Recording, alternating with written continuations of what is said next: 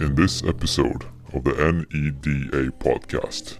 And like it's pretty like it's a resounding like like a big like the mountain is just farting in your face. You're just like yeah, for sure. and it's just like flushing out and and and at, at the time you don't know what's happening, you know. And like we didn't know if it was the whole cornice because he did a good job of finding a nice station like And- for us to be protected. It's fun. People that never have climbed in the mountains will connect with you. Like, what are you climbing? Where are you going? Like, they study the guidebook and stuff. Like, it's like there's like locals that have never climbed, like know where routes are, like obscure routes even. Like, and so it brings the whole community together. And I think it's really cool. Like, yeah, it's pretty special. Like, if it where- if the conditions work and if the Yeah, weather works, and they have like a list of things they want to do. Yeah, it's But like usually, Patagonia kind of like it slaps you a little bit, you know, and you're kind of like, whoa, I wanted to do all these things, and now I got to do this instead. Well, I got to, I should enjoy that too, you know. Yeah. So it's good not to get too invested in the objectives. It's cafe cigarro. Cafe Cigarro. We take a shit and then start going up. Yeah. We we read, we we made the glacier really easy. Really easy this time. Easy it's this faster, time? Yeah, I think the conditions were good. they were great. Yeah. It was a lot of snow in the upper part, so it, you Yeah. can see the cracks and everything.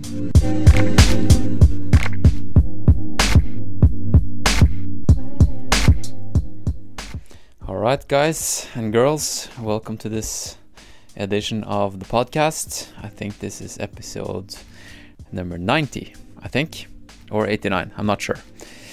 Uh, anyways, maybe this is the first time you listen to uh, and tune into this podcast. My name is uh, Hans Christian, and um, uh, let me just explain a little bit what this podcast is about, because a lot of things has changed the last week.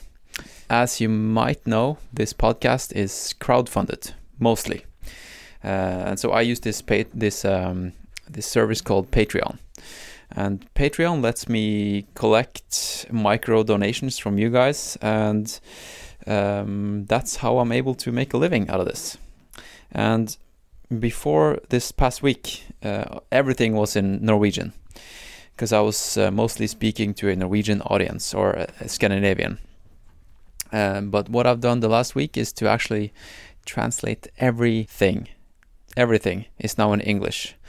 So um, um, if you head over to to patreon.com slash NEDA project, you'll be able to uh, to support this show with uh, as little as six dollars every month.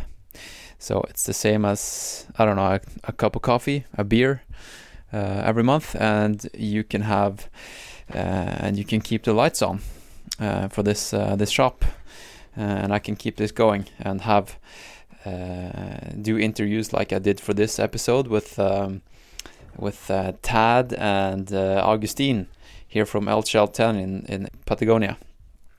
Uh, so I just wanted to to let you know about that, and also and this at the same time thank each and every single one of you who's actually donating and um, and giving uh, chipping into this project.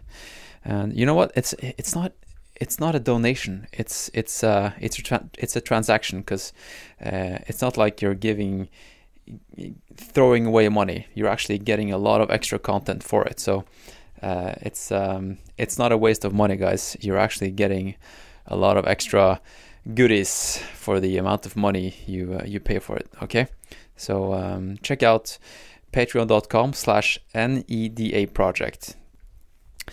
Uh, this uh, this pro- this episode is also uh, not only brought to you by listeners and individuals. This um, I, I've actually started a collaboration with a service called Combine. And um, for you international people, this might be a little bit irrelevant. But if you're ever gonna uh, visit Norway or Oslo, um, and if you're a climber or a runner or outdoors person, and you would like to do some inside uh, workouts like uh, bouldering or treadmill or do lifting some heavy weights or yoga, um, you can go to combine.no or download the Combine app on the App Store, and you can sign up and you can actually um, for for the same amount um, as you pay for a monthly fee at your local gym, you can now uh, use Combine and you can go wherever you want. Like pretty much all of the gyms in Oslo, like the yoga and climbing and and all of the the classic gyms, they're part of Combine. So you can you can use whatever you want for the same amount as you would pay for for being locked down to one of one of them. So um, that's the concept of Combine. And if you use the if you use the um, uh, the code NEDA in capital letters, you get the first month half off. Okay, and when you do that, I get a small kickback. So that's also a way for me to to uh, to make a living. Hopefully, if enough people sign up. okay. Uh, so go to combine.no and you know what? Just if you if you're if you're uh, if you're signed up and you're like on a 12 month program or something uh, ridiculous and tied down to one of the gyms, just just sign off and sign up for Combine uh, for the same amount, and you can use you can go to all of the gyms, all, of the gyms. Okay, combine.no. All right, guys, that's it for the housekeeping. Um, be sure to check out the uh, the Patreon page and combine next time you travel to Norway and just want to go for a climb or something. You know, you can sign up and you can use it for a month and then sign off. Who cares? Just go for it. Uh, that's that's actually cheaper than than uh, than doing just one session in the gym. Just sign up for combine, use it a couple couple of times, and then sign off. That's that's uh, that's how I do it when I travel to Norway. Okay, so let's uh, let's get into this episode, shall we?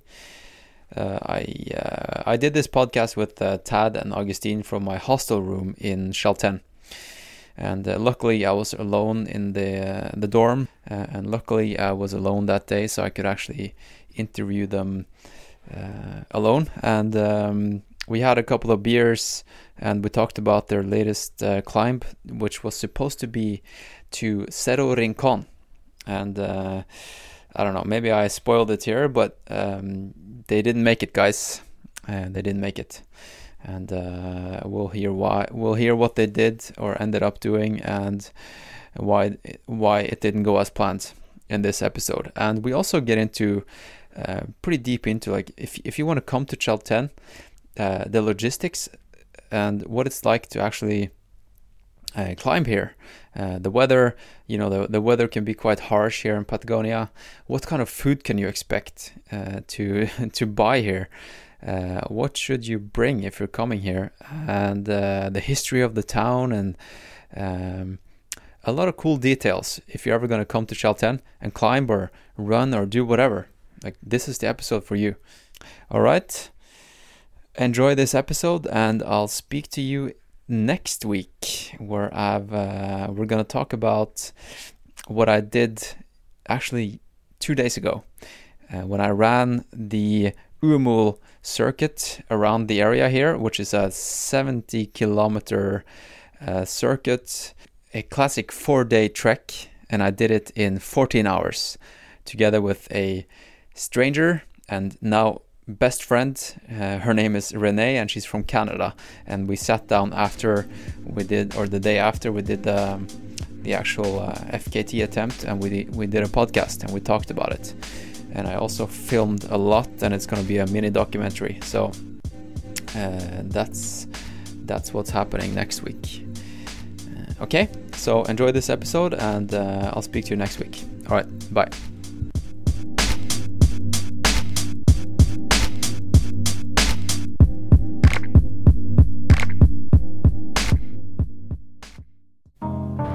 Hello, this is another one. Another one, baby. Welcome to Now Is It Alvor uh, with Hans Christian and friends. We're going to be the best podcast that you ever did here, and we're going to thrill you, we're going to teach you, we're going to entertain you. Like Britney Spears once said, There are those of us who observe and those of us who are e- here to entertain. And we're here to entertain you, bitch. yeah. yeah. yeah.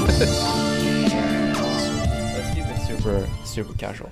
Yeah. Because that's how this podcast goes. And normally, uh, my audience is like outdoors people, cool. ultra runners, um, climbers, mostly Scandinavia, but also some international stuff. Awesome. Uh, so I thought maybe we could um, could talk about um, you guys, your guys' history, why you're here, when you came here, uh, and the last project you did, Nice. because I know nothing about it. So let's uh, let's explain to people first, uh, maybe where we are and what we're doing, and uh, who we are. Nice. Okay, because people sure. know who I am. You guys can introduce introduce Well, I'm yourself. nobody, but this man to my left is Augustine. No. All right, I'm I'm Tad, and uh, I'm Tad McRae. There is no virtual Tad McRae, only the real one. And I like to live in El Chalten in the summertime as much as possible. Mhm. This is my eighth season down here. Eighth Um, season. Yeah, it's kind of a special place, so it's really hard not to come back to if you have a good enough excuse.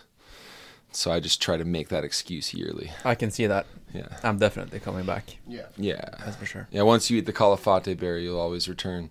So the trick is you just get the sample at Domo Blanco, and then you don't have to go find any more. Yeah. You're always gonna come Yeah. back and take an ice Yeah. cream also. Okay, so I'm Agustin Burgos, and I um, live here since like 16 years ago. I came with my family. My father started working here, so I finished the school and everything here. I'm 28. All right. You're, you're how, how old? 28. 28. Yeah. Okay. Mm, basically, I work in the construction, Mhm. and in my free days, I go to skiing, especially. And then when my brothers of the states come, we pass a good time in the mountains, trying to climb. Like basically, we we, we want to have a good times in the mountains, Yeah. like mountaineering. We are not You're here for the mountains. yeah, for Pretty the much, mountains. But I came because my family comes to, for work. But then when we, like uh, when I, I didn't know about the mountains anything before come. Really? So you didn't you didn't actually come for the mountains? No, Okay. Okay. A lot of people come for the mountains, but I think the reality about like this place, El Chalten, is that what we learn is that like the mountains aren't just about the mountains. It's like about the people in the mountains too, you know, and the people you get to share the experiences with. So I think like, um, at least like in Augustine sent like like from his perspective, like th- their family came, you know, like a lot of people like this new place, and then like all of a sudden like f- fell in love with the mountains because this place like has that kind of pull, you know, it Yeah. has that kind of like traction. I feel like on so many people. Can we talk about the history of uh, Chalten? Because uh, it's a pretty uh, new city, right? yeah, Or uh, do we even call it a city? yeah, it's like 13, 35 years, no? Yeah. The city. A- 1982 or something. Yeah. 83? Yeah. Yeah. Yeah. And, and why does it even exist? Oh, Do you know the, the history of that? Well, it exists predominantly at this point because of the mountains. Like, um, so like, it's. Uh, I mean, there there were a couple of estancias and a couple of like Gauchos. Don Guerra's been here forever, for Yeah. instance, and his wife wife. Uh, what is it? Uh, Isolda. Isolina. Is- Isolina. Yeah, yeah. Yeah, And so they've been here like a long time, working for the Madsen family, right? yeah, And so the Madsen family had, I think, the initial estancia in the in the area like the, that wasn't mountain related. That No. was like they were here to like kind of cultivate their like lifestyle on on a ranch like within the El Chalten area. And then uh as climbers started kind of becoming aware of this phenomenal locale for climbing and that kind of happened in like the sick like in the 60s. It initially started to happen like or yeah, that's when there was a, more of a pulse. And um and yeah, so at that point, like there was still no infrastructure, but slowly more and more and more people were coming. Yeah, and for, so- for the mountains. for the mountains, yeah, for Yeah, sure. and uh, and and also, I think it attracted a lot of people that maybe I mean, sometimes we say the mountains, and I think we mean more just the outdoors.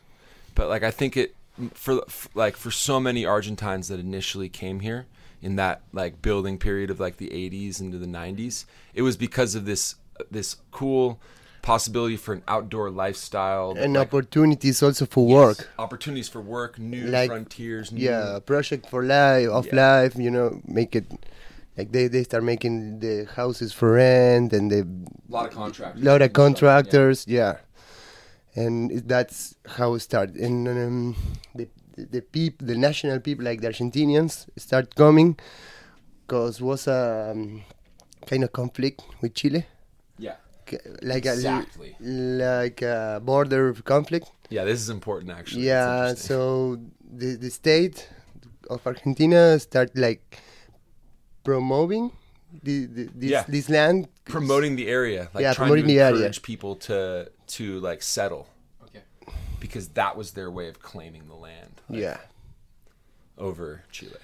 To take like more to have more people close to the frontier. All right. And, and the same thing was the case in Chile. So actually, Yeah. like to the north, by the northern ice cap, like off the Carretera Austral, Austral mm-hmm. you see these massive like hillsides that are just fully burnt because the Chile they were when Chile similarly they were like, listen, we're trying to we're trying we're competing with Argentina for this land essentially, and like. If you can claim the land, it's yours. Like, and so people were just burning as much of the hillside as they could to like claim the land, yeah, and show that it was settled, basically. So how close were they to a war? Because they haven't been to a war, right? It's not no no no. It was close, but not even no war. Save it for football. Yeah. no, I, I, what's a conflict? I think one just one guy dies. Yeah, one Chilean. died, right? Yeah. Yeah, I think one Chilean. When a drunk night, I think. Yeah. Yeah. sure. So that's basically the history I know about and- place. and what's the deal with real estate here? Because it's limited, right? Oh, It, that's the thing, right? well, we're we're essentially in the national park right now. Yeah. And so all the land that anyone lives on here, at this point in time, is basically like, um, like supplied by the national park, and so they Yeah. kind of withhold like, uh, like a couple years ago, maybe it was five or six years ago that this whole upper step here, La Planta Estable, really there were like no buildings, like like even se- six seven years ago, like only Yeah, like six, six- seven buildings maybe, and now it's like a whole nother barrio. Yeah. yeah, it's an, another neighborhood. You, you can see it.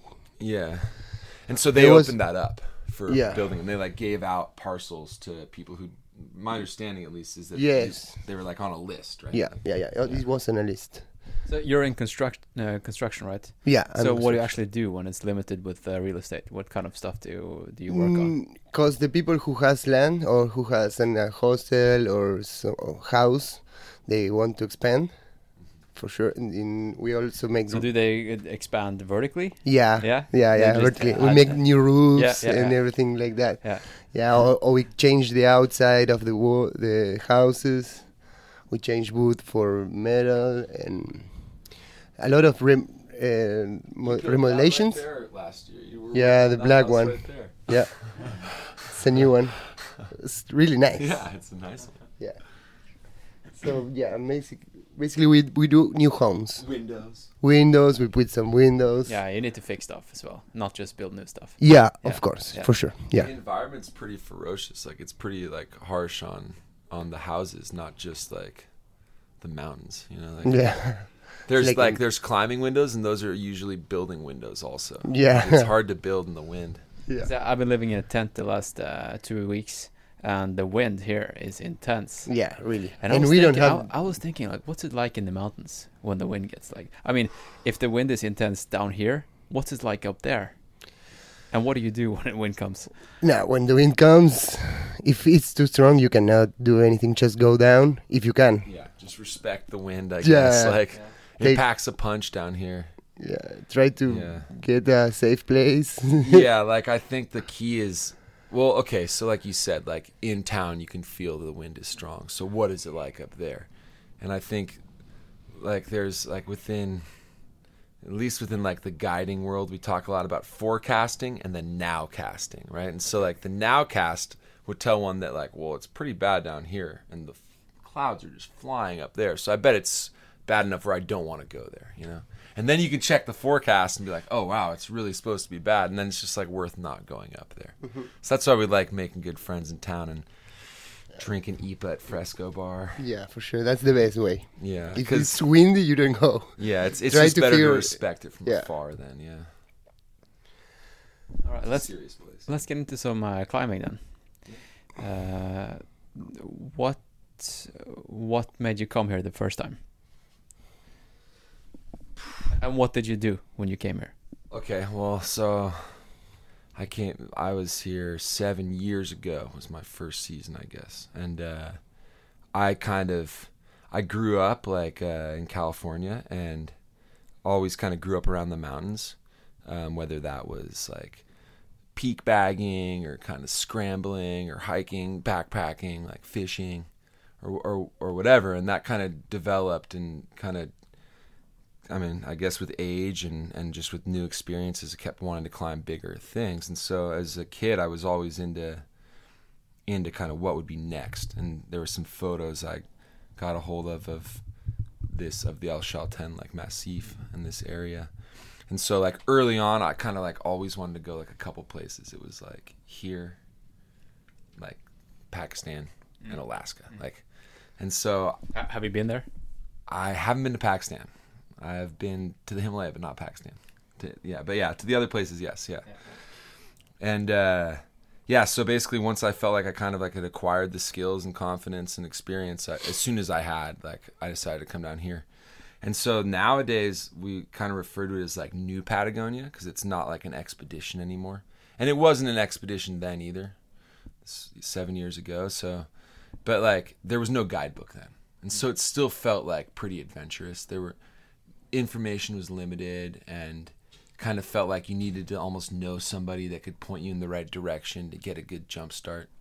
But uh, we got really lucky and came down in November, and there were like there was like nobody here, and um, like a third of the buildings you see now in town existed. That was only seven years ago. Um, but yeah, we kind of got a hold of these binders that had these photocopied like route overlays. Yeah, you remember the the, Yeah. the book? Sebastian ha- still has it in Island Ike. Yeah, yeah. Yeah. I, I have one, and I, You do too? Yeah, yeah. Yeah, They're, they're awesome. They're cool. Like, yeah. I think they're really special now, especially because, like, I mean, respect. Rolo Garibotti's made an awesome guidebook. It's beautiful, first of all, and it works. That's that's the one you uh, Yeah. lent- lended Yeah. me, right? Yeah. Yeah. Yeah, it's amazing, but it also kind of it can it changes I think the way we process logistics and the way we conceptualize like, oh, well kind of just like what is classic, what is expected of somebody. And these mountains like at least for me the first time and still I think it's good to embody the spirit, but like are really serious even though they're kind of close to this lovely little town. Um, and uh, so for us, like the first thing we climbed was this thing, the Amy on Guillaumet.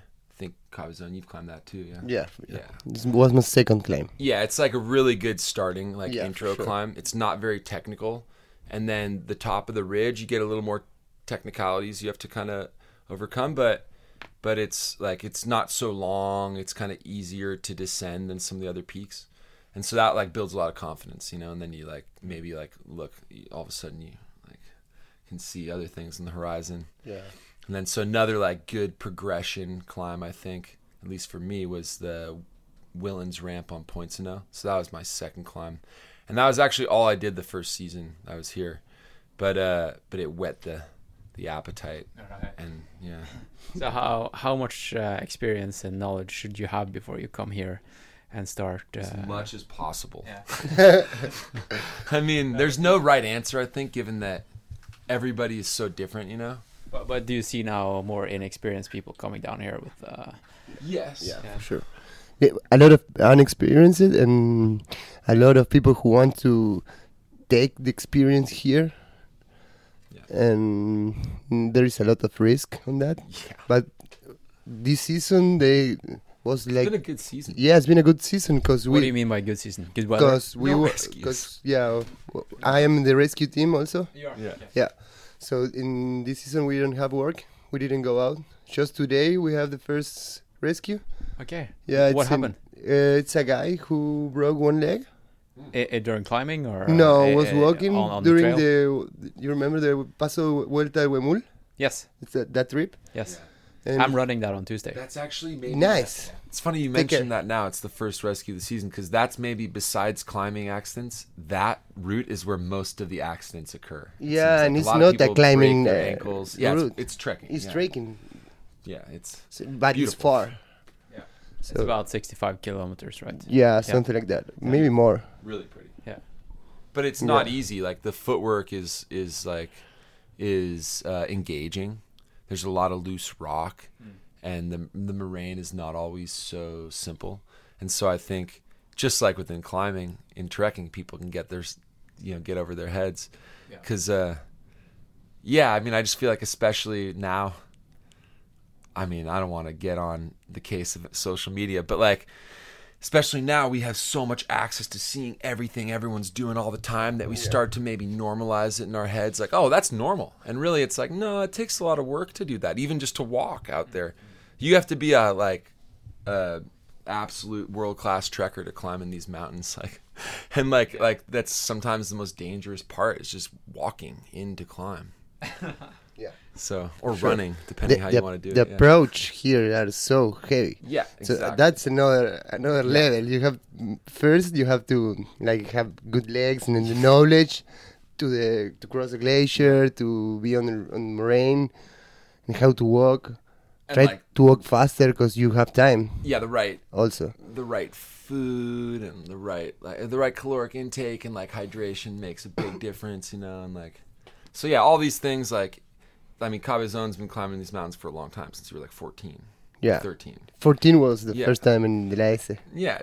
Yeah. exactly. Like so like with each experience you build on that and you kind of take note, mental note of what worked and what didn't work and then you can come back the next time kind of with like a you know, a little bit of experience but maybe a fresh mindset how you can maybe change a little bit and have some fun with it. Like How much of a athletic background do you have? Like you were talking about nutrition and, and stuff like that. Do you, uh, what kind of approach do you have to, to climbing? Do you have any? Well, Mm, I I, I have quite like a my my uh, my background before uh, climbing was definitely one like full of athletics. I, I was a rower in university at the University of Washington, and so I definitely I don't want to say like more. So I think a lot of climbers, especially in the mountains, pay attention in their nutrition. But that's for me where it kind of comes from, stems from, is just like. Uh, yeah just like uh endurance like yet like uh yeah just like long endurance um training from the rowing uh, standpoint like is what translates the best for like things such as approaches whereas like i don't know i kind of think about it you know there's like there's different strength training and different endurance training within climbing and it depends on what the objective is. But uh for me like i like to utilize like the past knowledge of like being a rower, even though it's not, you know, it doesn't translate exactly, just in terms of like, you know, when to eat, when when to be utilizing carbohydrates versus fats versus proteins, when to be utilizing, um, yeah, just like what times of the day are most effective to eat, or like how much to eat at certain. Because there's a point where if you want to do certain objectives, it takes a lot of days, and that means your pack's gonna be heavier, which means your performance is gonna be lower, which means you're going to be trying harder, which means you're actually going to be eating more, which means you have to pack more then. And then, so there's all these levels, you know? But yeah, I mean, it's the athlete's mindset, athlete yeah. too. I like forever. I think it's just like different approaches given like different, um, I think also ju- there's just like a, there's just a lot more like, uh, in the United States, there's a lot of performance food available. And there is some available in Argentina, and more and more each year. I feel like. not a lot of uh, food available here. no, compared for sure. Yeah. I'm struggling. Exactly. I'm, I'm, I'm just using bananas Which on the is why everyone ends up like eating Frutigrans with like butter and like all these different like things, like turning them into energy food because like because that hasn't been the point, you know? Like and so yeah, like we bring like yeah, like this last thing we climbed, like we had some like pretty normal standard like El Chalten, like Salamines, yeah, salami, uh, cheese, like some mais frito, but like we try to supplement like some of the maybe like more western uh like um performance gels now and again. Or there's like certain protein bars that Just no, have good the- percentages. The, um, the oh, the thing- je- the chews. Yeah, like we were. no, yeah. choose. Oh, yeah. Which ones, which ones? The, the tablets you put in the Oh, water. the ta- yeah. What so like electrolyte mix, like just that shit. either like Nuun or Hammer Nutrition. All these companies make the little tubes, you know, with the little, and that's something that's like that. Like I, it's e- I've recognized from being down here a bunch or like climbing in India that like it's so easy to take for granted. In the United States, at least, like when you have that, you're like, of course. And then here, it tastes really good, but Tang doesn't do the same shit. You know, like you're like, oh, it works, but it's sugar, but it's not electrolytes. You know, and and so like we've noticed just playing around with that. Like last season, I know we all went out and did something where we brought less like performance food and like more like Tang or more like like Yeah, stuff like that. yeah. Like on when we tried Superdoma. Yeah. But like then there's other times where you can compare it. Like this last time we had a couple like you know nice like like GU Roctane like gels and like the Roctane is clearly better than the normal shit, you know. And so like all of a sudden you're like, wow, I can like feel the vitamin E Yeah. and, and like amino acids in here. I instantly. swear There to was, God, I'm like- like processing oxygen better. Like yeah. Yeah. and so it's cool to compare. The electrolytes make the difference for me. Huge. Yeah, huge difference. So uh, let's talk about the last There's uh, electrolytes in beer, right? Yeah. I think there's of course. I there's a lot of vitamin I might, uh, have B. to- I might have one. Yeah, yeah, I'll yeah, sure. one at least. All this talk of electrolytes. I'm thirsty. Yeah. So let's talk about this last uh, last expedition you went on. Would you call it an expedition or a climb or Yeah, climb. a weekend venture? Or adventure. Or Yeah, adventure. I like that. I usually like. It's funny. I don't know. I usually like personally refer to them as missions, missions. but like it's an adventure. You know, it's like an adventure with your friend. Like, and that's the cool part about it. Yeah. The last one, we we want we was in the glac- glacier um, Marconi Sur. Marconi Sur. Macaroni. Macaroni is the, the place where we stay. And um, we we tried to open a, a route in Cerro Rincon, Yeah. but when When you say open up, what do you mean? it's like a new route, It looks like it'll be a route, but no one's climbed it yet. So that's like where the opening comes from. Okay. Uh, so the book you you uh, you lended me yeah, that was full of what I would call recipes to climb mountains. Yeah. Right. Basically recipes. Yeah. So uh, is that what kind of takes the charm out of climbing? If someone has done it before you and you see the red lines in the book, and do you do you want to explore and, and do new routes? Is that part of the part of the game? Is that why you did it? Some some of the, some of the lines are really classic, and they they build up like legend or like lore around them, and people want to climb them because you've heard of them. and They sound cool. But then there, it's like a different side of that is there's less adventure in that sometimes. It might be really classic or fun or engaging, but the adventure is kind of more about like exiting the known and entering the unknown. And you don't there are no lines or recipes, you know, for those and you got to kind of make the recipe as you go. Like and so that's at least like in this case, that's what we went out there for. I like that recipe analogy. Like we went out there to like make a recipe on on Punta Amigos and Cerro Rincon. But it just like Cabezon's saying like yeah. yeah, we reached So how, the how did it go? You know we, we we reached the place and it was like really really warm. Yeah. Warm, Yeah, Got- got really really warm. Yeah. and Like- that's that's a problem. Yeah, that's a problem because was uh, ice route or my Yeah. mixed climbing route. Yeah. and doesn't get uh, cold into the Yeah. night, even all the night warm. We can't cool sleep really well. No, it was warm. Like, Yeah. we were sweating. It, Yeah, and I'd sweating been in the there night. two weeks before. Up there, Up there, sweating in the night, in Yeah. like on the glacier. It was like warmer than in town. Like I'm not Yeah, kidding. for There was some kind of convection in the glacier, and it was really warm. And I'd been there two weeks before. We were actually gonna go and try to climb it a couple weeks earlier, and it was really good. It looked like it was really good. We don't know till you go, but it looked really nice. And so that's one of the reasons why we planned to come back. Mm. And um, it was we kind of came around the corner and we were looking up there, and I was like, I wonder if you just can't see it from here. And I didn't Yeah, notice that because it's not there. And we got closer and closer. Close, close and, uh, yeah, fact, it's not there. Yeah. It's not there anymore. It's not anywhere.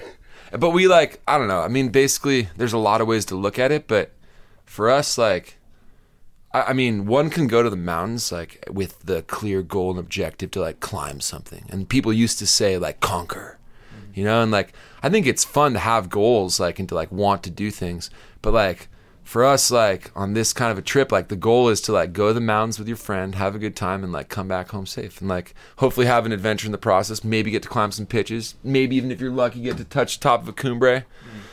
But like, so with that attitude, we kind of like, I mean, we didn't sleep as well because the sweat, maybe, but like, you know, we rested easy, I think, and woke up and we just talked about it over coffee about how like that's the premier objective. Like that's what we want to do. But let's go up there and we have this secondary option because it looks like it might be safer and more doable under these conditions. So that's kind of what we did. Después, café y cigarro. Cafe cigarro. We take a shit and then s- start going up. Yeah, We we reached, we we made the glacier really easy. really easy this time. Easy it's this faster. time? Yeah, I think the conditions were good. they were great.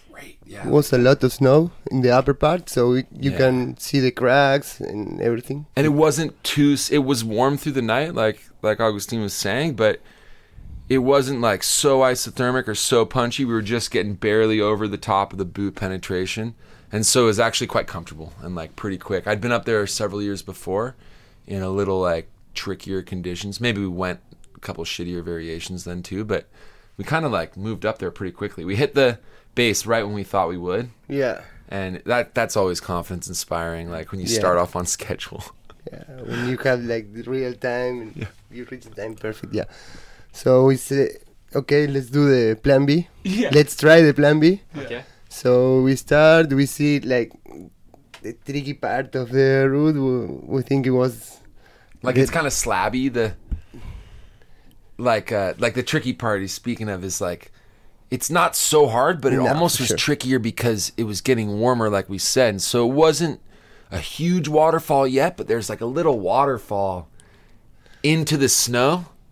like one inch. Yeah, and Augustine did a great job of like leading up and like in le- you traverse left into this thing, and it's still kind of a nice little icy like snowy couloir, and then all of a sudden for like three meters it turns into this like waterfall with like with like a kind of slab with like kind of thinner like moves with your crampons on the left side, and so he kind of dispatched that with ease, but but like it was tricky, you know, like, kind of climbing upstream.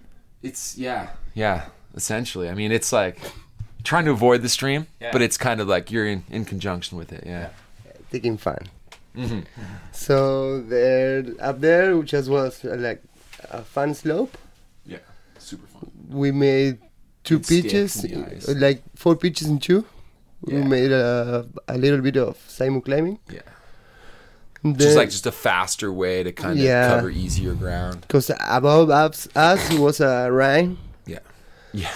a, a great like a, one. a, it's a, not a cornice, huge one. a cornice, cornice, right? Uh, yeah. It was from the rime for sure. Yeah. Yeah. and uh, the sun started hitting that. mm, uh, not too much, but maybe four rocks start falling. Yeah. From During our above. plan? Yeah. So we keep trying to keep on the right side Yeah. to maybe get more protect. Yeah, speed Protection? equals safety when there's Yeah. like melt stuff melting, and so we were just trying to keep moving and Keep moving, yeah. That's this cornice at the top of the col was just like smiling on us all day long. yeah, like we were trying to smile back, but at one point it like we got to this station. Cabezon was pulling me in, and we were considering moving across to this like mixed face, and then yeah, like the half of the cornice fall down. So we hear the, the sound. What fell down? The half the cornice half we have. this, yeah, We have up, up above us. yeah, the and half- like it's pretty like it's a resounding like. Like a big, like the mountain is just farting in your face. You're just like, yeah, for sure. and it's just like flushing out and and and at, at the time you don't know what's happening you know and like we didn't know if it was the whole Mm. cornice because he did a good job of finding a nice station like And for us to be protected so we can't see it then yeah, that's that yeah. side we can see it. what Yeah. was the thing who fall. No. yeah exactly So he daddy comes to me and he like, what what what what, what, what was that? did you just fart no, No. so and then we decide, okay, we just have to go to the other side as fast as we can. yeah So I go, just to I get think. clear and over there and uh, just in the moment I, I d- make the turn in, the relay and can see the the rime, and uh, you ask me, yeah, it's full. Like uh, how much of it went down? And he's like only half, and I was like, oh fuck, man, like so it was only half. So I was, I can't stop uh, thinking about the other half is gonna come in. I don't know. But he's fast. He's fast. no, we didn't Twinkle find- toes. They would call him twinkle toes in the ice. No. Twinkle toes. no, so we, one time we, we reached the other side of the slope was another safe place. No? Yeah, and for we sure. that there we started the, the mix climbing. Yeah, yeah, it's like connecting the dots. Sometimes in the mountains, I think peop the mountains sometimes get a really bad reputation for being a dangerous venue to climb in. And like, yeah, everyone it's kind of- Mountains in general. mountains in general. Yeah, these mountains for sure being low elevation and kind of getting warmer as the years progress. Um, but yeah, like I think within the climbing community, the general like preconception is that, and maybe misconception in some senses, is that like climbing the mountains is dangerous. Oh, climbing like cragging or anything like that. Well, that's we can make that safe. And it's like to me it's all kind of the same thing. It's just that you have different hazards and within the mountains, I mean especially these mountains or not especially, but within all the mountains like bigger more serious ranges, it's all about recognizing the hazards, coming up with like some kind of like plan of mitigation so you can just widen your margins. And the whole time you're just kind of balancing your margins and trying to widen your margins here and there. And so like for us, one of the reasons why we didn't climb that other route is because it looked like it was going to be falling down on us. So we kind of expected stuff to be falling down even on this route, but it's like, okay, well this face above us and to the right, that's going to be peeling off because that's east facing, gets early sun. So we're going to go quickly through there. Okay, well now we're protected. Let's. Oh, the cornice just went. All right, well let- let's go quickly across there. It's like boom, only five minutes to get both of us across with belays and and it. Yeah, like you're still exposing yourself at times to a little bit of risk or a fair amount at times, but the key is just to be constantly focusing on mitigating the risk and playing this like balance of like of uh kind of this like cost benefit like analysis essentially of like okay well this is the probability that something's going to happen and this is the cost if that happens. And so like if i yeah it's only like a 1 out of 10 chance that we're going to fall on this slope here so we could have soloed for those four like pitches that he's saying we didn't too but then it's like ooh but there is maybe this percent chance, a little higher, that you're going to get hit with a little piece, a little rock or a little bit of ice. And if you're soloing, you could get knocked back there. Maybe you won't get like terribly injured, but you could get knocked off your feet. So just having the rope there simulating kind of prevents, you know, one of those hazards from kind of taking place. And so by just kind of working through that, you can kind of, I mean, it's nothing's safe, but like you can, you can responsibly, I think, um, and honestly like proceed and and have an adventure, climb something no one's climbed on before. And so we we didn't I wouldn't say we had a scare with the cornice. We kind of expected it. Just hopefully doesn't sound too bad. But but like uh but we felt like we we mitigated it well. And so like it kind of like gave us a charge and some confidence for the last like four pitches. It was pretty cool. Yeah. Or five pitches, yeah. So, to be able to climb mountains here and do new routes, sounds like you don't need to have. I mean, of course, you need to have a lot of experience from from climbing and just mountains in general, but you need to have some experience of these mountains, It's helpful. ta taking decisions, wise decisions. Yeah, yeah. yeah. There are certainly other mountains in the world that one could gain the experience you need to climb here. But local knowledge is key. I mean, yeah. Yeah, for sure. About yeah, for sure. You you have to be like you have you need you need a little bit of experience. Yeah, for sure.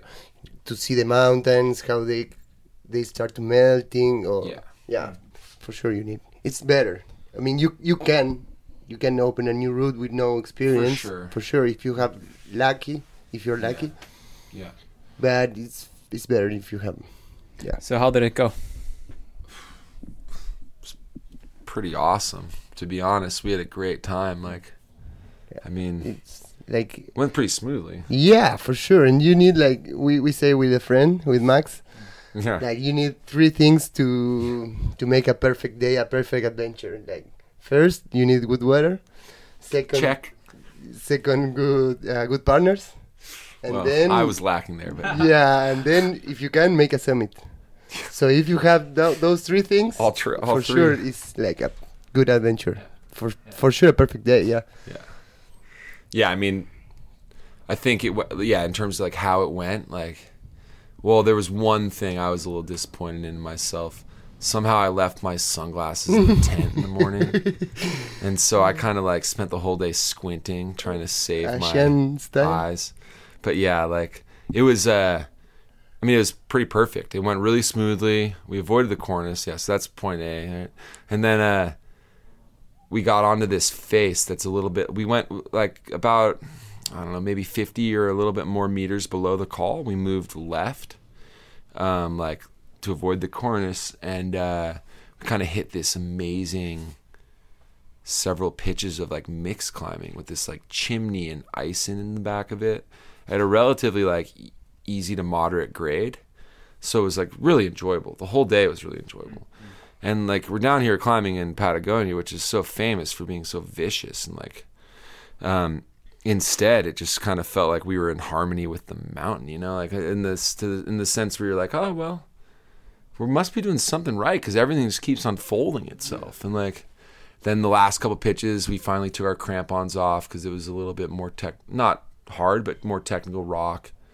Um, and then yeah, so this summit had been climbed uh, two times before. Um, once initially by, actually both by Italian parties, um, and so the opposite side of the mountain, the south side, had been uh, well because we ended up on the north face of this peak, but the south side had been climbed, and then also the ridge, the west ridge, had been climbed. And so when we got to the very top, that's the first time we kind of saw any sign of. Oh, actually, the second time. This is also people. One person had repelled this couloir before as well to get down. Um, so basically, we just didn't see a lot of signs or evidence of people, which is just kind of like fun. You're, we're out in this, out in Patagonia in El Chalten. There's like 50 other climbing parties in the mountains two weeks ago.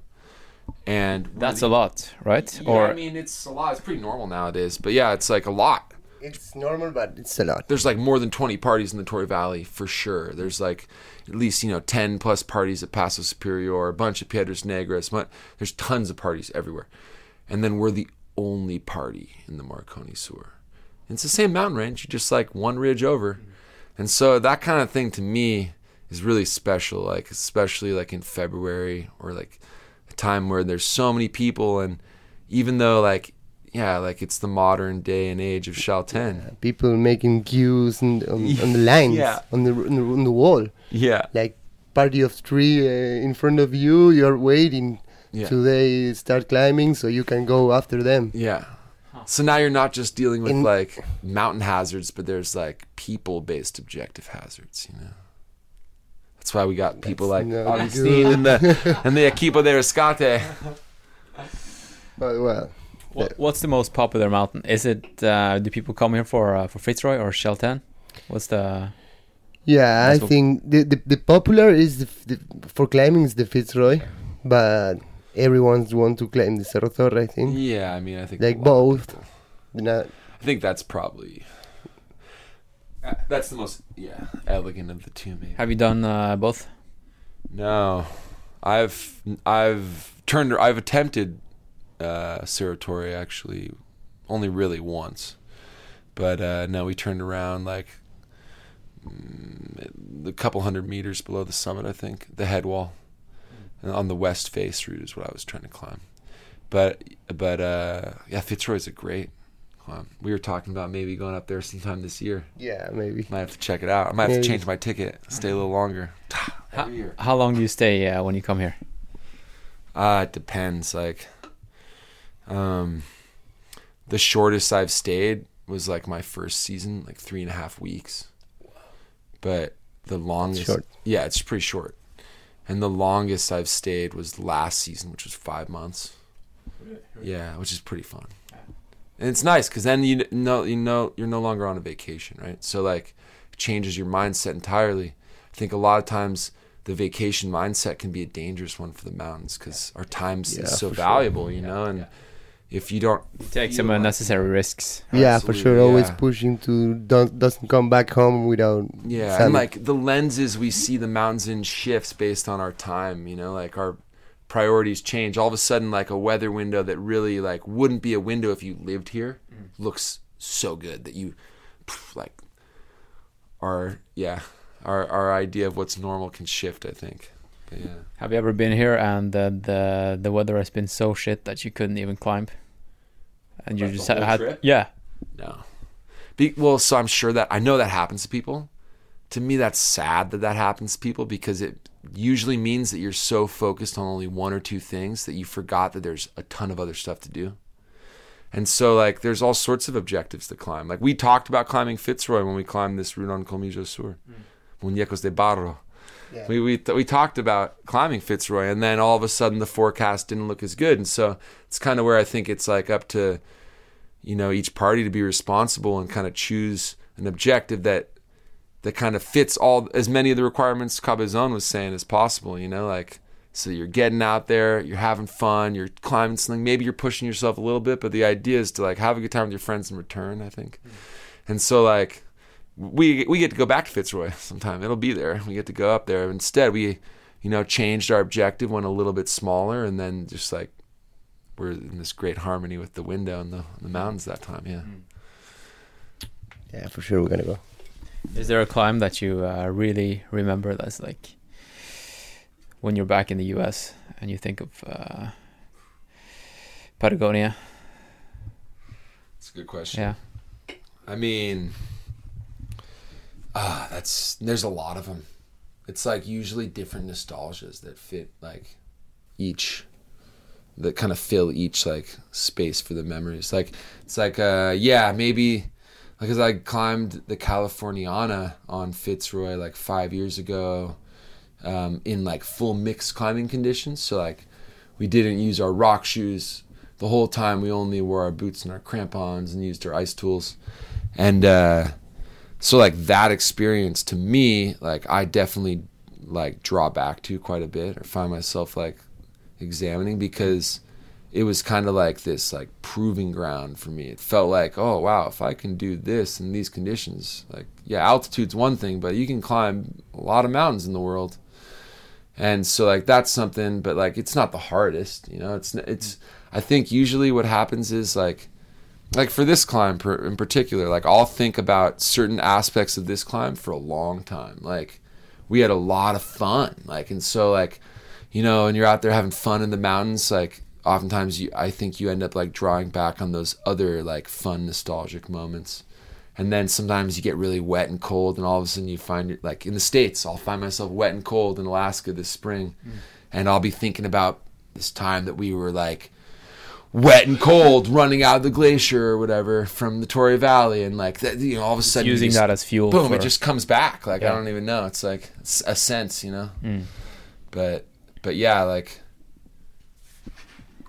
I don't know there there's so much good climbing in the end to be honest like I definitely came to El Chalten because the mountains I know Cabezon came here with his family and like for you know like basically for like like for opportunity you know like but like I came for like climbing opportunity, Mm-hmm.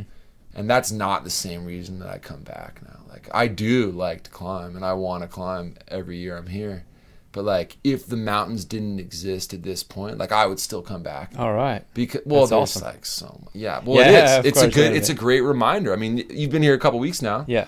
And like Yeah. it's a great reminder I think about like how we can like choose to interact with people and like how we can build community. It's kind of to me it's kind of like this little like mock utopian society where all these people who had similar ideas came to the same place around the same time Mm-hmm. because we were able to start so fresh in the 90s basically. Out like you know kind of a lot of like hindsight. Everyone did a pretty good job. There's like a pretty nice harmony and like Yeah. everyone has fun. People that never have climbed in the mountains will connect with you. Like what are you climbing? Where are you going? Like they study the guidebook and stuff. Like it's like there's like locals that have never climbed like know where roots are like obscure roots even like and so it brings the whole community together and i think it's really cool like yeah it's pretty special That's awesome. Yeah. Because I've been I've been tra- traveling a lot to like epic mountains and stuff. yeah and uh, uh, but the, the human part, like being alone, just Yeah. running on epic trails and being in epic mountains, Yeah. it doesn't make sense. lacking. It's, I mean, Yeah. The mountains are cool, but they're not cool when you're not sharing them. Yeah, exactly. Yeah. Well, that's cool that you can recognize that Yeah. too. I like how there's those par- there are those parallels within the like ultra running and kind of like more alpine climbing. St- alpine climbing generally involves more endurance than other climbing. Yeah. and like Yeah. yeah, it's cool to find those parallels too. Hey, what's it like during the winter, Augustine? Oh, it's so quiet. Yeah, Yeah, playground. yeah. It's for sure. It's our playground. Th- is that kind of what your is is, is that your favorite part, or is, do you have a favorite season? Is that yeah, yeah, winter? Winter? yeah. For sure, my favorite Yeah? part is in winter, when all the people goes and we have the town for us. Because people go because you you pretty much close the city off, right? Is it is, is it closed or or do you, is it just like These are Uh, like the warmest people in the world. So it's like open. It's just no one really. The tourism is nothing, right? Like oh, in, in the winter. Like Yeah, So and- it's just people who actually are hard and actually like live here. Really, like Yeah, it's just that people. yeah. For in also in every winter, a lot of a lot or much more people come. with every winter, Yeah, more and more. Every more and more. just like yeah. in in the summers now? Like it's, It's not in, like in the summer, yeah. but it's like I don't know, maybe 500 persons come in Yeah. winter. What do you oh. think? What, what why? Why? Why are more people coming each year? Yeah, in winter. Mm, I think because they, they they start to know you can also go hiking in winter. Do you think With- it's the same kind of people That- Mm, can come here in the, during the summer and they're also ski mountaineers and they mm, want to come back, check it out mountaineers with snow? but not too much. A lot of the people who come here in the summertime aren't climbers, aren't even really trekkers. A lot of it's tourism, and a lot of that tourism. Um, I mean, it was inevitable and it was always happening slowly. But I know that like six years ago, there was like a Lonely Planet, like Yeah. uh, like like top ten places to go before you die. And like El Chalten was Yeah. number two. Weirdly enough, number one was like Washington D.C., which makes no sense to me because I'm pretty sure you could not go there and die and you'd be fine. but here it makes sense, right? And so everyone just started coming, yeah. and like it. I mean, I'm not even kidding. Like it's it's. I've only had eight seasons to look at it, and it's a phenomenal difference. I mean, it's crazy, like how how much it's changed, and and but that's not just the tourism. It's not just the climbing, which was maybe because of information. Um, it's not and weather forecasting. It's not just more Argentines either. Like, because there are a lot, lot more Argentines that are that like there was there was uh, land that was opened up like five years ago, right? So then more people can live here, um, and and and um, so so the Argentine population was boosted a little bit as well, right? But still, most of those people don't stay in the winter. No, no, for sure. So where are the people from? The the the, the tourists and The the tourists. yeah, most tourists. Because I've only met two or three Norwegians, and I think I've heard two Swedes. So that's the only Scandinavian people I've, I I've know seen where the here. Norwegians stay, but Where are they at? well, I don't know if they're here now. But Island Ike is like this place the Norwegians have traditionally love. Yeah? yeah, because there are some epic Norwegian climbers that have done some amazing routes down here. Actually, like maybe some of the coolest routes in the last like ever, actually, but definitely the last ten years. I should uh, read up on that. Yeah, this Yeah. guy Uh, Bjorn Bjorn Eivind Årtun was like total boss, one of the best like ever climbers. Definitely like yeah, climbed some really cool stuff. And Ole Lied was another. I think I pronounced it uh, right. Yeah, he he. Sounds very Norwegian. Yeah, Yeah. he Yeah. he and others obviously, but those two have done some really spectacular routes down here. Or like yeah, yeah, Serious guys. The Yeah. Norwegians. Yeah. yeah. Yeah, yeah, yeah. And so the I don't know who was the Yeah, co- continue with the winter Oh, part. Because what do you do? Because that's your time. Ski. What What do you do in the winter? You Yeah, you for- ski, right? yeah for sure skiing. Yeah. What Is- What kind of skiing and uh, what's your objective? Uh, no, I don't have object- objectives. It's like we have objectives for the the, the winter, maybe.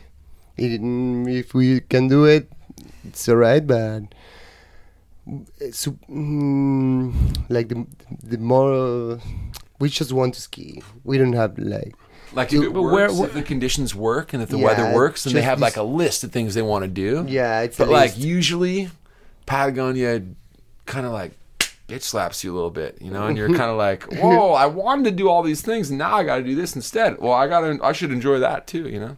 yeah. So it's good not to get too invested in the no. objectives. And in the ski side, there is no, um, it's not ex- explored. yeah. So you have to go uh, to explore a lot of mountains, almost all the mountains to ski. Because no, Do you, do you bring uh, climbing gear? Do you bring ice axe and, and crampons and stuff? Mm, sometimes, And, yeah. yeah. Do you combine your, your climbing Yeah. skills with the skiing? yeah, sometimes. Yeah. Yeah, Robinson just skied Cerro Solo two days ago. yeah, we, You did? yeah. Man, yeah. Yesterday, no, Two days. two days ago. Yeah. We are another friend. You skied two two days ago? yeah, Cerro Solo. You you see? it. You Yeah, know it. yeah, yeah, it's yeah, but but the only uh, one- but the it's- face and jumped the Bergschrund. yeah, we made it. Called his mom while he was mid jump and and like doing a little grab. in the air. Mad Nar points. Was good. so you started your season already. No, So you can pretty this much ski- never ends here. You can Yeah. ski all the 12 months.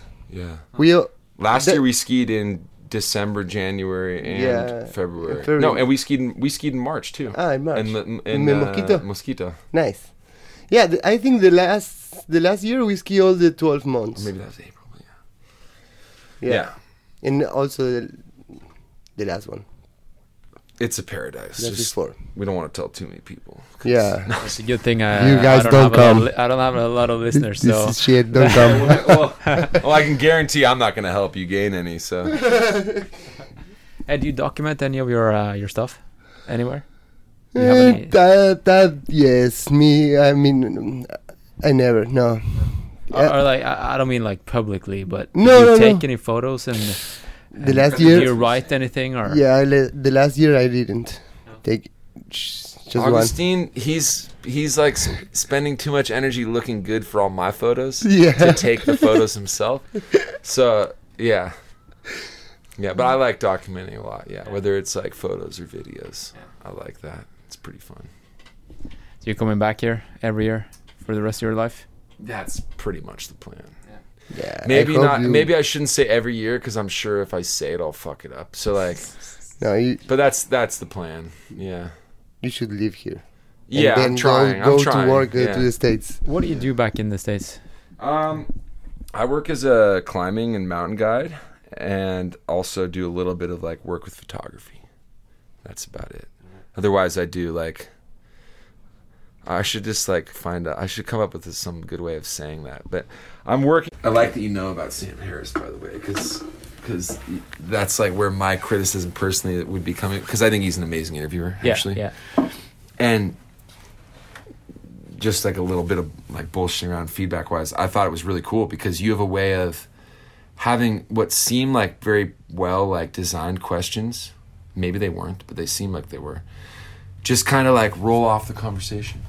And so all of a sudden like you hit all these like points, but it was like really natural. Yeah. Respect. It was like more fun than other interviews I've been in where you're like, Jesus Christ, like this guy proofreading it. Like I was like yeah, yeah. Yeah, respect, dude. That Oh, was cool. thank- thanks, man. Um, so we're finishing off this uh, podcast with uh, my iPhone because uh, I don't have any more battery on my Zoom. Um, so, um, do we have any last words for for our listeners? Do we want more people coming to El, Sh- El Chalten, or should we leave it as a secret? No. No, it's okay with that I think the that the amount is- of people. the key is like people will keep coming, right? But it's really important that when people come, like they recognize that like you know, it's just important to be responsible in these outdoor like playgrounds and venues that we get. They're not playgrounds unless we're responsible with them. Mm. And then also there's a couple other things like our impact, like if we know that there's a lot of people coming, it becomes even more important to lessen our impact and and also uh yeah, I mean I, I guess like within that there's a lot of ways that that we can do that whether it's like taking care to like tread lightly while we're here or also like maybe lessening our social media based impact because it's really fun like you said to share stuff with people but like one thing i've been thinking a lot about is like whether we're really trying to share stuff with people or if we're just trying to like give ourselves a couple pats on the back Right. Or impress people. Yeah share. Share. yeah, and i think those are two vastly different things and the intentions are so opposite that that like I mean, I I don't think anyone would ever have a problem with people that were coming here with like, you know, kindness and responsibility because it's a great place. But like it's a really like fragile place. In, in like its ecosystem is really fragile. The seasons are short down here. Um, and uh, and also like culturally there's a responsibility in that like you know it's a great place to like party and hang out with your friends but it's always good to remember that like to make friends with everyone because there's people who like fucking live here you know it's not like just on like the travel circuit which like i think some people forget sometimes like, This this town is, is so, so small, and there's so many people just coming through, Yeah. just be, staying here for two days. yeah Uh, yeah, And, and that's shit because the, they forgive you are like in mountain Yes. and glaciers and everything like it's nature. You can go to the mountains and leave your rope because you don't gonna need it in the way out, Mm, yeah. and you leave it the, the rope on the base camp because you don't need it. yeah yeah this happens right. it happens That happens all the time. I saw it on the camping site. Yeah, the two weeks I've been living there, they're just Yeah. shitting all over the toilets. Yeah. Well, yeah, Yeah. so Because they're leaving the with day after, right? It happens With with trash. It happens with climbing equipment that's considered trash, Mm. or that people just don't want to carry because it's heavy and they're tired, and for some reason, you know, nobody's yeah. special. Basically, nobody's special, but this place is special, and to keep it that way, it requires responsibility, I think, and and like, uh, yeah, it's fun to make new friends in the mountains, but it's not fun to like have the mountains be trashed or to like have to, you know, feel like. Uh, You are superior. yeah, yeah, yeah, exactly. Like it's it's just it's good. The mountains are for everybody, and it's good to promote the friendships, not not uh not trash the mountains. Yeah. Well, That's basically the, Wha- the message. one more thing. Um, how do you how do you stay safe? Like if if shit hits the fan, what do you do? Smoke copious amounts of marijuana. No, um, no, yeah. So we keep it tight. Yeah, safety first. Um, we we usually have some kind of like. Uh, well, so first of all, like Cabazone's saying, like he's on the he's on the rescue squad, right? And so like most of the partners I climb with at least have some kind of like um it, that I like am ever trying to push it with a little bit even have some form of like rescue or like wilderness like medical at least oriented kind of like knowledge. Um and so I think that's good because then when stuff does happen and it does sometimes like it helps people not freak out so much. Like stay cool and calm, confident about what they're kind of the task in hand. But uh, we also travel at times with either a radio so we can contact the parquet in town or um, a little like Garmin InReach, Yeah. which is really convenient in terms of receiving weather forecasts and kind of letting loved ones know how you're doing if, I- if you're out longer. Yeah. I use a spot tracker. yeah, so the spot's super whi- similar. Yeah. Which has a SOS button. yeah, exactly. And do you know what happens when you hit the SOS Oh, yeah. button? What Oh, what happens here? Uh, well, they contact the local authorities, which in this case is like the rescue team and like Carlina down at the hospital. Yeah, I think you talk with Carol. Yeah, co- yeah, doctor. Well, okay, so they contact her Yeah. and she contact us. She like runs everything basically. Yeah. She's the And boss. we start to running now the, to the place. Yeah. And and so that's one thing they do. And then at least in the case of Garmin, they also will work through like try to work through certain global rescue services in terms of trying depending on it also can depend on what kind of insurance someone has if they have insurance. Yeah, But uh but yeah, that's yeah. And then last year was the first year they really started like actually implementing the helicopter in some of the rescues. It's kind of been like a thing that never happened before. No, it happens, but A, a little bit. Yeah. Not on the ice cap though, right? no, in the Torre Valley, I know, but I think last year was the first time in on the there was uh, an ice, ice cap, maybe. helicopter. Yeah, because they was in, in Calafate. yeah, It was like a real mayor or Yeah. commandant. yeah, And he said, okay, we, we need to go. yeah, But never happens. yeah. We don't have the helicopter. Mm. We Yeah, and the helicopters aren't aren't really suited or or prepared to like to like short haul No. or long haul off the peaks. So Okay. it's more about like in the valleys, like in the base camps that that that It's there not a would be a rescue, rescue. helicopter. It's No. just the It's army helicopter. Yeah. When they want, they come. Yeah. And We- when the the, the, the the driver has the knowledge or the balls to get in, Yeah, yeah. Usually, they it's just because the guy's like, "I'll go do it. Yeah, but then, oh, okay, I'm gonna, I'm gonna. Do I it. could do it." So they start flying, and Yeah. then see them. They see the mountains, the the clouds And coming, wind and they say, "Oh no, I'm not going Yeah. to land there. Just Yeah. go up." Yeah. And then we have to go more Okay, so faster. you can't rely on the helicopter. No, here. no, sure it not. shouldn't be relied So on. And that's kind of been a misconception in the past. Is like, oh, it's like Chamonix. I can call Yeah. for a rescue. It's like, no, No. you can't actually. like, and now you're just putting other people in danger with that attitude. You know, like, Yeah.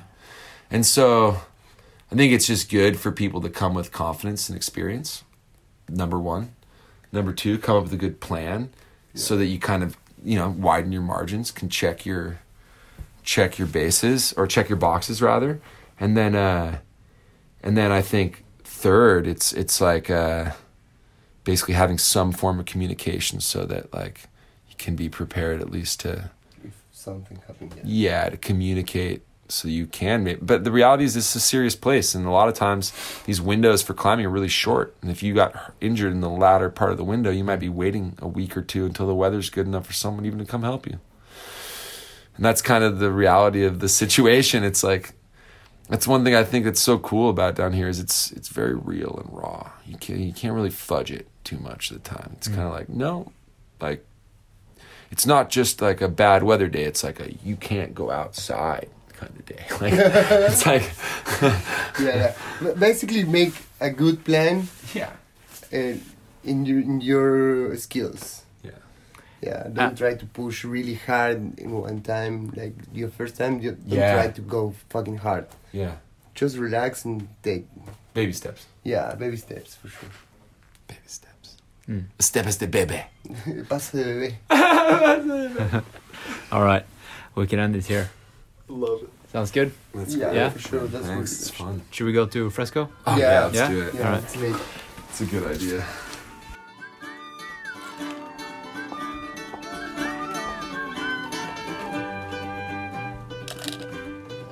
Ay, ay, ay, ay, montaña que guarda secretos eternos